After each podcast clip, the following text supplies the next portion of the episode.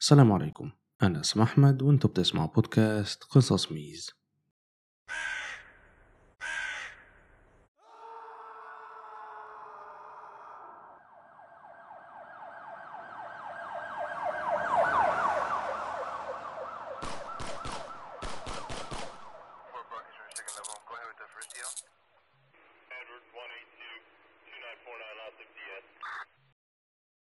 أهلا بيكم في الحلقة رقم 12 من الموسم الجديد من قصص ميز.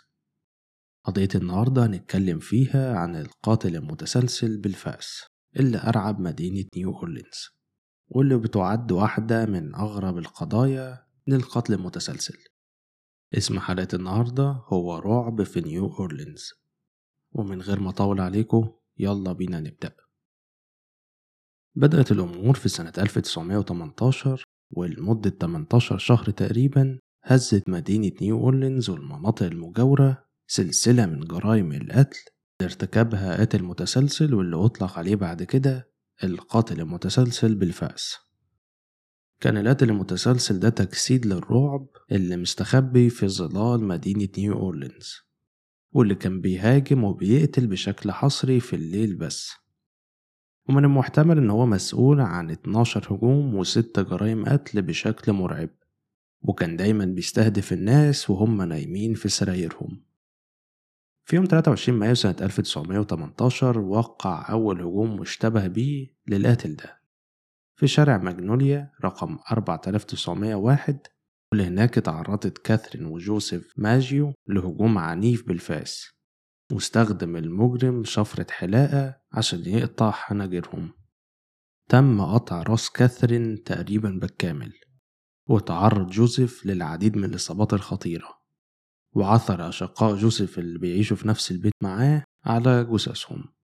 وما كانوش سمعوا أي حاجة ولا شافوا أي حاجة وما كانش فيه أي حاجة في البيت اتسرقت وكان باب المطبخ مكسور. بعد كده عثر على فاس دموي في المكان. وبعد تحقيق السلطات كان بيعتقد إن القاتل المتسلسل دخل من باب المطبخ لأن دي حسب كلامهم كانت من عاداته. في يوم 28 يوليو سنة 1918 حصل هجوم تاني في شارع اسمه دورجونوا وهناك الناس اكتشفت لويس بيسمر وآنا لو وهما الاتنين كانوا في حالة حرجة. لهم كان خباز اسمه جون زانكا واللي كان بيوصل الخبز لبيتهم في اليوم ده. بعد الهجوم البشع لويس نجا. أما بالنسبة لأنا ففضلت سبع أسابيع في حالة حرجة في المستشفى قبل ما تموت. أنا قالت إن في شخص أبيض ضخم كان معاه ساطور هاجمها. بعد كده السلطات لقوا إن باب أوضة النوم كان مكسور والمرة تانية لقوا فاس دموي في المكان. وبعد مرور حوالي شهر وفي يوم 5 أغسطس سنة 1918 جوز السيدة إيد شنايدر لقى مراته وهي في حالة حرجة وكانت لسه على قيد الحياة وبسرعة نقلها للمستشفى وبعد مجموعة من العمليات تمكنت من النجاة. وخلال التحقيق تم اكتشاف إن الفاس بتاع العيلة كان ضاع قبلها بفترة وهو هو نفس الفاس اللي القاتل المتسلسل استخدمه. وبعد كده بخمس أيام وفي يوم 10 أغسطس سنة 1918 تم العثور على جوزيف رومانو واللي كان عنده 80 سنة بعد ما بناته الاتنين بولين وماري سمعوه وهو بيصرخ. ولما لقوه كانت راسه متحطمة. البنتين بيقولوا إن هما شافوا القاتل ووصفوه بإن هو مظلم وطويل وضخم وكان لابس بدلة سودا وقبعة سودا وبدأ الرعب يبقى في كل مكان. كانت الرجالة دايما شايلين أسلحة وبيحاولوا يحرسوا عيلتهم في الليل والشرطة بتعمل بكل جهدها عشان يحلوا لغز جرايم القاتل. وتم إضافة المزيد من رجال الشرطة عشان يشتغلوا يوميا. وبعد حوالي سبع شهور وفي عشرة مارس سنة 1919 اتعرضت عيلة كورتميليا لهجوم. روز كورتميليا صحيت ولما بصت جنبها لقت جوزها تشارلز بيحاول يقاوم القاتل المتسلسل. وبسرعة تشارلز خسر المعركة وتعرضت روز وبنتها اللي كان عندها سنتين للهجوم من نفس القاتل. وبعد الحادثة دي تمكن تشارلز وروز من النجاة ولكن بنتهم توفت بشكل مأساوي.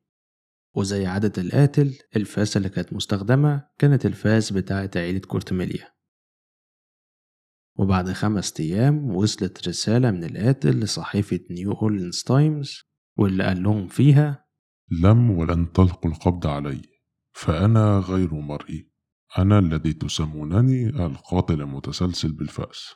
مما لا شك فيه فإن أهل نيو أورلينز يعتقدون أنني قاتل مروع وهذا ما أنا عليه. ولكن يمكنني أن أكون أسوأ إذا أردت ذلك. يمكنني بسهولة قتل الآلاف من أفضل مواطنيكم. بعد كده القاتل كان كاتب تهديد واللي أرعب مدينة نيو أورلينز كلها وقال إنه تحديدا في يوم التلات اللي جاي الساعة 12 وربع بالليل هكون بتمشى في مدينة نيو أورلينز وهقدم اقتراح بسيط للناس.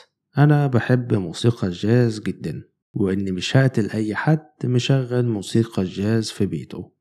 ولكن لو سمعت بيت مفهوش الموسيقى شغالة هقتلهم كان يوم التلاتة اللي القاتل بيتكلم عليه هو يوم 19 مارس سنة 1919 وبيقال إن المدينة في الليلة دي كانت كلها مشغلة موسيقى الجاز. وجدير بالذكر إنه محدش اتقتل في الليلة دي ووافى القاتل المتسلسل بوعده.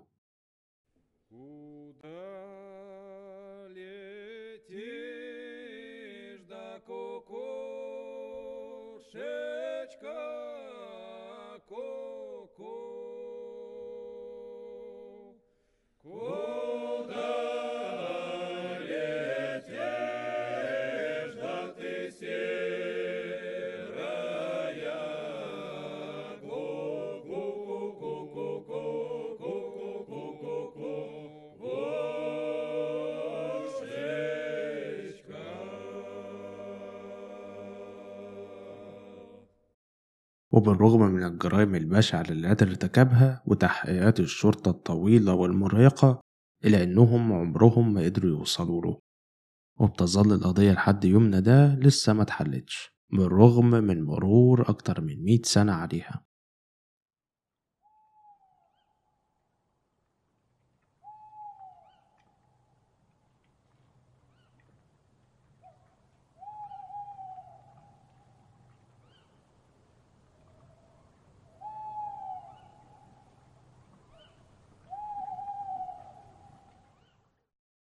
وبكده تكون خلصت حلقتنا النهاردة. فلو عجبتكم ما تنسوش تعملوا follow و rate للبودكاست اللي هتلاقوه على Apple Podcast Google Podcast Spotify وأي مكان تاني بتسمعوا فيه بودكاست أشوفكم الحلقة الجاية إن شاء الله.